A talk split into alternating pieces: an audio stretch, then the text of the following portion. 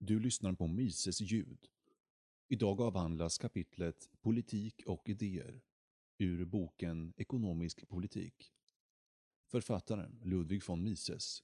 Svensk översättning av Per-Olof Samuelsson. Inläsare Magnus. Hälsar dig välkommen. Under upplysningstiden, under de år då nordamerikanerna la grunden för sin självständighet och några år senare, då de spanska och portugisiska kolonierna förvandlades till självständiga nationer, var den förhärskande stämningen inom den västerländska civilisationen optimistisk. På den här tiden var alla filosofer och statsmän helt övertygade om att de levde i början på en ny tidsålder. En tid av välstånd, framåtskridande och frihet. I dessa dagar väntade man sig att de nya politiska institutionerna, de konstitutionella representativa regeringar som inrättats i Europa och Amerikas fria nationer, skulle ha en mycket välgörande inverkan och att den ekonomiska friheten kontinuerligt skulle förbättra människans materiella villkor. Vi vet mycket väl att somliga av dessa förväntningar var alltför optimistiska. Visserligen är det sant att vi under 18 och 1900-talen har upplevt en makalös förbättring av de ekonomiska villkoren, som gjort det möjligt för en mycket större befolkning att leva med mycket högre levnadsstandard. Men vi vet också att många av 1700-talsfilosofernas förhoppningar har kommit till skam.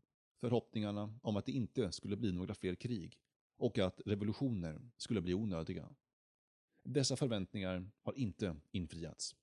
Under 1800-talet var en period då krigen minskade, både i antal och i grymhet. Men på 1900-talet har krigsandan blomstrat upp på nytt och vi kan tämligen säkert säga att vi ännu inte har sett slutet på de prövningar som mänskligheten måste genomlida. Det konstitutionella system som infördes vid slutet av 1700-talet och början av 1800-talet har gjort mänskligheten besviken. De flesta människor, liksom de flesta författare, som har behandlat detta problem tycks tro att det inte har funnits något samband mellan den ekonomiska och den politiska sidan av problemet. Det tenderar därför att tala långt och länge om parlamentarismens eller folkrepresentationens förfall, som om detta fenomen vore fullständigt oavhängigt av den ekonomiska situationen och de ekonomiska idéer som bestämmer människornas aktivitet. Men något sådant oberoende existerar inte. Människan är inte en varelse som har dels en ekonomisk och dels en politisk sida, utan något samband dem emellan. Det som kallas frihetens förfall, den konstitutionella regeringens och de representativa institutionernas förfall, är i själva verket följden av en radikal förändring i de ekonomiska och politiska idéerna. De politiska händelserna är den oundvikliga konsekvensen av förändringen i den ekonomiska politiken. De idéer som vägledde de statsmän, filosofer och jurister som på 1700-talet och början av 1800-talet la grunden till det nya politiska systemet utgick från antagandet att alla anständiga medborgare inom en nation har samma slutmål. Detta slutmål, mot vilket alla anständiga människor borde sträva, var nationens välfärd. Och också om andra nationers välfärd. Ty dessa moraliska och politiska ledare var helt och fullt övertygade om att en fri nation inte har något intresse av erövringar. De menade att partistrider bara var naturliga. Att det var fullkomligt normalt att det förekom meningsskiljaktigheter beträffande det bästa sättet att sköta statens angelägenheter. De människor som hade liknande idéer om ett problem samarbetade och detta samarbete kallades ett parti.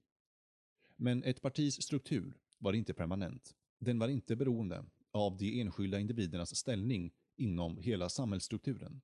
Den kunde ändras om folk insåg att deras ursprungliga inställning var grundad på felaktiga antaganden, på felaktiga idéer.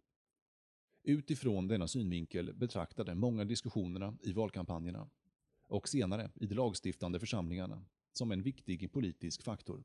Parlamentsledamöternas tal betraktades inte som blotta proklamationer inför världen om vad ett politiskt parti ville. Det betraktades som försök att övertyga motståndargrupper om att talarens egna idéer var riktigare och bättre bidrog till det allmänna bästa än de idéer man hade hört förut. Politiska tal, tidningsledare, pamfletter och böcker skrevs i syfte att övertyga. Det finns föga skäl att tro att man inte skulle kunna övertyga majoriteten om ens egen inställning var absolut korrekt, om ens idéer var sunda. Det var ur denna synvinkel som de konstitutionella reglerna skrevs i de lagstiftande församlingarna vid början av 1800-talet. Men i detta låg underförstått att regeringen inte skulle lägga sig i de ekonomiska förhållandena på marknaden. Det låg underförstått att alla medborgare hade endast ett politiskt mål, landets och hela nationens välfärd. Och det var just denna sociala och ekonomiska filosofi som interventionismen har ersatt. Interventionismen har frambringat en helt annan filosofi. Enligt de interventionistiska idéerna är det regeringens plikt att stödja, subventionera och ge privilegier till speciella grupper. 1800-talsstatsmännens idé var att lagstiftarna hade speciella idéer om det allmänna bästa. Men vad vi har idag, vad vi idag, praktiskt taget utan undantag, ser i det politiska livets verklighet, i alla de länder i världen där det inte helt enkelt råder kommunistisk diktatur, är en situation där det inte längre finns några verkliga politiska partier i ordets gamla klassiska bemärkelse, utan blott och bart påtryckningsgrupper. En påtryckningsgrupp är en grupp människor som vill tillskansa sig något speciellt privilegium på bekostnad av den övriga nationen. Detta privilegium kan bestå av en skyddstull på konkurrerande importvaror. Den kan bestå av en subvention. Det kan bestå av lagar som hindrar andra från att konkurrera med påtryckningsgruppens medlemmar.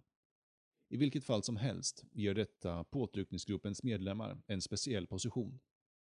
Det ger dem något som förvägras, eller enligt påtryckningsgruppens idéer, borde förvägras andra grupper. I Förenta Staterna är gamla tiders tvåpartisystem till synes fortfarande intakt. Men detta är bara ett kamouflage för den verkliga situationen. I själva verket bestäms det politiska livet i Förenta Staterna, liksom i alla andra länder, av påtryckningsgruppernas kamp och aspirationer. I Förenta Staterna finns det fortfarande ett republikanskt och ett demokratiskt parti. Men i vart och ett av dessa partier finns det representanter för påtryckningsgrupperna. Dessa representanter för påtryckningsgrupper är mer intresserade av att samarbeta med representanter för samma påtryckningsgrupp i motståndarpartiet än av sina egna partikamraters ansträngningar. Jag ska ge ett exempel. Om man talar med folk i Förenta Staterna som verkligen känner till hur kongressen arbetar säger de citat. Den här personen, eller den här kongressledamoten, representerar silvergruppernas intressen. Slutcitat. Eller också så säger de att någon annan representerar veteodlarna. Naturligtvis är var och en av dessa påtryckningsgrupper med nödvändighet en minoritet. I ett system som grundar sig på arbetsdelning måste varje speciell grupp som är ute efter privilegier vara en minoritet. Och en minoritet har aldrig någon chans att nå framgång om den inte samarbetar med andra liknande minoriteter, liknande påtryckningsgrupper. I de lagstiftande församlingarna försöker de få till stånd en koalition mellan olika påtryckningsgrupper så att det kan bli en majoritet. Men efter en tid kan den här koalitionen falla sönder eftersom det finns problem där det är omöjligt att nå enighet med andra påtryckningsgrupper och nya koalitioner av påtryckningsgrupper bildas. Det var detta som inträffade i Frankrike 1871. En situation som historikerna bedömde som Tredje republikens förfall. Det var inte något förfall för den Tredje republiken. Det var helt enkelt en exemplifiering av att systemet med påtryckningsgrupper inte är ett system som med framgång kan tillämpas för att styra en stor nation. Det finns i de lagstiftande församlingarna representanter för vete, för kött, för silver och för olja Först och främst för de olika fackföreningarna. Endast ett är inte representerat i den lagstiftande församlingen. Nationen som helhet. Det är bara ett fåtal som tar parti för nationen som helhet. Och alla problem, till och med de utrikespolitiska, ses ur de speciella påtryckningsgruppernas synvinkel. I Förenta Staterna har vissa av de mer glesbefolkade delstaterna ett intresse av priset på silver. Men det är inte alla i dessa delstater som har intresse av det. Ändå har Förenta Staterna i många årtionden lagt ut en avsevärd summa pengar på skattebetalarnas bekostnad för att köpa silver till ett pris över marknadspriset. Ett annat exempel. I Förenta Staterna är endast en liten del av befolkningen sysselsatt i jordbruket. Återstående befolkning består av konsumenter, men inte producenter, av jordbruksprodukter. Ändå för Förenta Staterna en politik som går ut på att lägga ut miljard efter miljard för att hålla priserna på jordbruksprodukter ovanför det potentiella marknadspriset. Man kan inte säga att detta är en politik som gynnar en liten minoritet, för dessa jordbruksintressen är inte enhetliga. Den mjölkproducerande bonden är inte intresserad av högre priser på spannmål. Han skulle tvärtom föredra lägre priser på sådana produkter. En kycklinguppfödare vill ha lägre priser på kycklingfoder. Det finns många oförenliga specialintressen inom denna grupp. Och ändå möjliggör förslagen diplomati i kongresspolitik, att små minoritetsgrupper erhåller privilegier på majoritetens bekostnad. En situation som är speciellt intressant i Förenta Staterna gäller socker. Kanske bara var 500 amerikan har intresse av högre pris på socker. Förmodligen vill de andra 499 ha lägre pris på socker. Ändå går Förenta Staternas politik helt och hållet ut på att genom skyddstullar och andra specialåtgärder åstadkomma ett högre pris på socker. Denna politik är inte bara till förfång för de 499 sockerkonsumenternas intressen, utan skapar också ett mycket allvarligt utrikespolitiskt problem för Förenta Staterna. Utrikespolitiken syftar till att samarbeta med alla andra amerikanska republiker. Och somliga av dessa har ett intresse av att sälja socker till Förenta Staterna. De skulle vilja sälja i större mängder. Detta illustrerar hur påtryckningsgruppernas intressen till och med kan bestämma en nations utrikespolitik. I åratal har människor världen över skrivit om demokrati, om folklig representativ regering. De har klagat över dess otillräckligheter, men den demokrati som de kritiserar är endast den demokrati under vilken interventionism är landets styrande politik. Idag kan man höra folk säga, citat, i början av 1800-talet, i Frankrikes, England och Förenta Staternas och de andra nationernas lagstiftande församlingar, hölls det tal om mänsklighetens stora problem. De kämpade mot tyranni, för frihet, för samverkan med alla andra fria nationer. Men nu för tiden är vi mer praktiska i våra lagstiftande församlingar. Slutcitat. Visst är vi mer praktiska. Idag talar man inte om frihet. Man talar om ett högre pris på jordnötter. Om detta är praktiskt, då har förstås de lagstiftande församlingarna förändrats avsevärt, men inte till det bättre. Dessa politiska förändringar som interventionismen åstadkommit har avsevärt försvagat nationers och representanternas förmåga att motstå diktatorers aspirationer och tyranners operationer. De lagstiftande representanter som bara bekymrar sig om att tillgodose de väljare som exempelvis vill ha högre priser på socker, mjölk och smör och ett lågt pris på vete subventionerat av staten kan endast representera folket på ett mycket svagt sätt. De kan aldrig representera alla sina väljare. De väljare som är för sådana privilegier inser inte att det också finns motståndare som önskar det motsatta och som hindrar deras representanter att nå full framgång. Detta system leder å ena sidan till en ständig ökning av de offentliga utgifterna och gör det å andra sidan svårare att ta ut skatter. Dessa representanter för påtryckningsgrupper vill ha många speciella privilegier för sina påtryckningsgrupper, men de vill inte belasta sina anhängare med en alltför tung skattebörda. Det var inte avsikten hos dem som på 1700-talet grundlade det moderna konstitutionella styrelseskicket, att en lagstiftare skulle representera, inte hela nationen, utan endast sin egen valkrets, särintressen. Detta var en av interventionismens konsekvenser. Den ursprungliga idén var att varje medlem av den lagstiftande församlingen skulle representera hela nationen. Han valdes i en speciell valkrets endast därför att han var känd där och därför valdes av folk som hade förtroende för honom. Men det var inte avsikten att han skulle ge sig in i politiken för att utverka något speciellt för sin valkrets. Att han skulle begära en ny skola, eller ett nytt sjukhus eller mentalsjukhus och därmed orsaka en avsevärd ökning av de offentliga utgifterna inom sitt distrikt.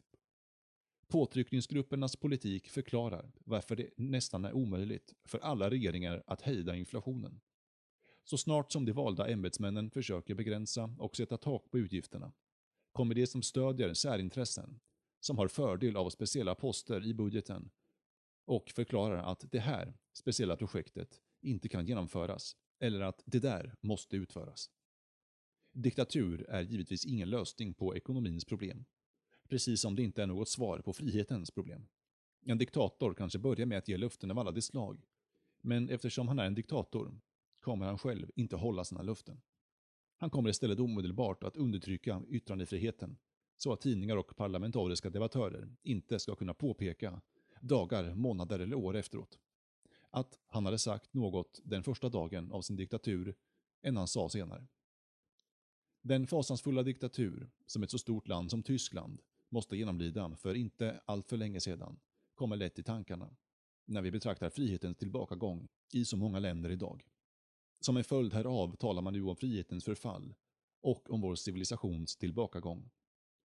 Folk säger att varje civilisation till sist måste gå under och falla i ruiner. Denna idé har eminenta anhängare. En av dessa var en tysk lärare vid namn Spengler och en annan, mycket mer välkänd, var den engelska historikern Toynbee. Det säger oss att vår civilisation nu är gammal. Spengler jämförde civilisationerna med växter som växer och växer, men till sist upphör att leva. Likadant, säger han, är det med civilisationerna. Denna metamorfor, som liknar en civilisation med en växt, är fullkomligt godtycklig. Först och främst är det i mänsklighetens historia mycket svårt att skilja mellan olika, av varandra oberoende civilisationer. Civilisationer är inte oberoende. De är sinsemellan beroende. De influerar ständigt varandra. Man kan därför inte tala om en viss civilisations nedgång på samma sätt som man kan tala om en viss väckt död. Men även om man vederlägger Spenger och Toynbees läror kvarstår ändå en mycket populär jämförelse. Jämförelsen mellan civilisationer i förfall. Det är förvisso sant att romarriket under andra århundradet efter Kristus utgjorde grogrund för en mycket blomstrande civilisation. Att det i delar av Europa, Asien och Afrika, där romarriket härskade, rådde en mycket hög civilisation. Det rådde också en mycket hög ekonomisk civilisation, grundad på en viss grad av arbetsdelning. Även om den förefaller rätt primitiv i jämförelse med våra förhållanden idag, var den icke desto mindre anmärkningsvärd. Denna civilisation nådde den högsta grad av arbetsdelning som någonsin uppnåtts före den moderna kapitalismen. Det är icke desto mindre sant att denna civilisation föll sönder, speciellt på 200-talet. Detta sönderfall inom det romerska riket gjorde det omöjligt för romarna att motstå aggression utifrån. Fastän denna aggression inte var värre än den som romarna slagit tillbaka gång efter gång under de senaste århundradena. Kunde de inte motstå den längre, efter vad som hade skett inom romarriket. Vad var det som hade skett? Vad var problemet? Vad var det som orsakade imperiets sönderfall, fastän det i varje hänseende hade uppnått den högsta civilisation som någonsin uppnåtts före 1700-talet? Sanningen är att det som förstörde denna antika civilisation var något som nästan identiskt liknar de faror som hotar vår civilisation idag. Å ena sidan interventionism, å andra sidan inflation. Romarrikets interventionism bestod i att romarriket, liksom grekerna före dem, inte avstod från prisregleringar. Denna prisreglering var mild, praktiskt taget utan konsekvenser. Ty i århundraden försökte man inte sänka priserna under marknadsnivån. Men när inflationen satte igång på 200-talet hade de stackars romarna ännu inte våra tekniska inflationsmetoder. De kunde inte trycka pengar. De måste tillgripa myntförsämring. Och detta var ett mycket underlägset inflationssystem jämfört med det nuvarande systemet, vilket genom användningen av den moderna tryckpressen så lätt kan förstöra penningvärdet. Men det var effektivt nog och det ledde till samma resultat som prisreglering. Ty det pris som myndigheterna tolererade låg ju under det potentiella pris dit inflationen hade fört priserna på de olika varorna. Resultatet blev givetvis att tillgången på livsmedel i ständerna minskade. Folket i städerna tvingades återvända till landsbygden och återgå till jordbruket. Romarna insåg aldrig vad som höll på att ske. De förstod inte. De hade inte utvecklat de mentala verktyg som fordras för att tolka arbetsdelningens problem och inflationens konsekvenser på marknadspriserna. Att denna valutainflation, denna valutaförsämring, var något dåligt, detta visste de givetvis mycket väl. Följaktligen stiftade kejsarna lagar mot denna utflyttning. Det fanns lagar som hindrade stadsbon från att flytta ut på landet, men dessa lagar var verkningslösa. Eftersom folk inte hade något att äta i staden, eftersom de svalt, kunde ingen lag avhålla dem från att lämna staden och återgå till jordbruket. Stadsbon kunde inte längre arbeta som hantverkare i stadens tillverkningsindustrier och med förlusten av städernas marknader kunde ingen längre köpa något där. Vi ser alltså att romarrikets städer från och med 200-talet var på nedåtgående och att arbetsdelningen blev mindre intensiv än den hade varit förut. Slutligen framträdde det medeltida system med det självförsörjande hushållet, eller villan, som det kallades i senare lagar. Om folk jämför våra förhållanden med romarriket och säger Vi kommer att gå samma väg. Tar det därför vissa skäl att säga så. Det kan finnas fakta som liknar varandra. Men det finns också enorma skillnader. Skillnaden ligger inte i den politiska struktur som rådde under senare delen av 200-talet. Då mördades i genomsnitt en kejsare var tredje år och den som mördat honom eller vållat hans död blev hans efterträdare. Och efter i genomsnitt tre år skedde detsamma med den nya kejsaren. När Diocletianus blev kejsare år 284 försökte han en tid att stå förfallet emot, men utan framgång. Det finns enorma skillnader mellan nuvarande förhållanden och det som rådde i Rom. Så tillvida att de mått och steg som orsakade romarrikets sönderfall inte var medvetna och överlagda. Det var, skulle jag vilja uttrycka saken, inte resultatet av klandervärda utformade doktriner. Vår tids interventionistiska, socialistiska och inflationistiska idéer har däremot kokats ihop och utformats av författare och professorer. Och delas ut vid högskolor och universitet. Ni kanske säger, dagens situation är mycket värre. Men jag svarar, nej, den är inte värre. Den är enligt min uppfattning bättre. För idéer kan besegras av andra idéer. Ingen tvivlade i de romerska kejsarnas dagarna på att staten hade rätt att fastställa maximipriser. Och detta var bra politik. Ingen ifrågasatte detta. Men nu, när vi har skolor och professorer och böcker som rekommenderar detta, vet vi mycket väl att det här är ett problem att diskutera. Alla de dåliga idéer som vi lider av idag och som har gjort vår politik så skadlig har utvecklats av akademiska teoretiker. En berömd spansk författare talade om massornas uppror. Vi måste vara mycket försiktiga med att använda denna term, ty detta uppror gjordes inte av massorna. Det gjordes av de intellektuella. Och de intellektuella som utvecklat dessa läror var inte människor ur folkets breda lager. Den marxistiska läran låter påskina att det bara är proletärerna som har goda idéer och att endast det proletära tänkandet har skapat socialismen. Alla socialistiska författare, utan undantag, har varit borgare i den socialistiska bemärkelsen av denna term. Karl Marx var inte en man ur proletariatet. Han var en son till en advokat. Han behövde inte arbeta för att gå på universitetet. Han studerade vid universitetet på samma sätt som de välbärgade söner gör idag. Senare och under återståenden av sitt liv försörjdes han av sin vän Friedrich Engels, som, i egenskap av fabriksägare, var en borgare av värsta sorten enligt de socialistiska idéerna. Enligt marxistiskt språkbruk var han en utsugare. Allt som händer i samhället i vår tid är resultat av idéer. Både det goda och det dåliga. Vad vi måste göra är att bekämpa dåliga idéer. Vi måste bekämpa allt vi ogillar i det offentliga livet. Vi måste sätta bättre idéer i de felaktiga idéernas ställe. Vi måste vederlägga de läror som stöder fackföreningsvåld. Vi måste motsätta oss konfiskation av egendom, prisreglering, inflation och alla de onda saker under vilket vi lider. Idéer och endast idéer kan lysa upp mörkret. Dessa idéer måste föras ut till allmänheten på ett övertygande sätt. Vi måste övertyga människor om att dessa idéer är riktiga och inte felaktiga. 1800-talets stora tidsålder, kapitalismens storverk, var resultatet av de klassiska ekonomernas idéer. Adam Smith och David Ricardo, Bastiat och andra. Vad vi behöver är ingenting annat än att sätta bättre idéer i de dåliga idéernas ställe. Jag hoppas, och litar på, att detta kommer att göras av den uppväxande generationen. Vår civilisation är inte dömd. Som Spengler och Toynbee säger oss. Vår civilisation kommer inte att erövras av Moskvas anda. Vår civilisation kommer att överleva och måste överleva. Och den kommer att överleva genom bättre idéer än det som nu styr merparten av världen idag. Och dessa idéer kommer att föras fram av den uppväxande generationen. Jag betraktar det som ett mycket gott tecken att det för 50 år sedan praktiskt taget inte fanns någon i hela världen som hade mod att säga någonting till förmån för en fri ekonomi. Medan vi idag, åtminstone i några av de avancerade länderna i världen, har institutioner som utgör centra för spridandet av en fri ekonomi. Som till exempel detta centrum i ert land som har bjudit in mig till att komma till Buenos Aires för att säga några ord i denna storartade stad. Jag har inte kunnat säga mycket om dessa viktiga saker. Sex föreläsningar kanske är väldigt mycket för en publik, men det är inte nog för att utveckla det fria ekonomiska systemets hela filosofi. Och definitivt inte nog för att vederlägga allt det nonsens som skrivits under de senaste 50 åren om de ekonomiska problem som vi tagit upp här.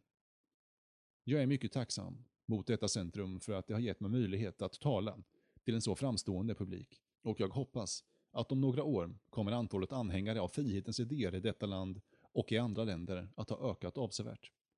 Själv har jag full tillförsikt om frihetens framtid, både vad gäller ekonomi och vad gäller politik. Tack.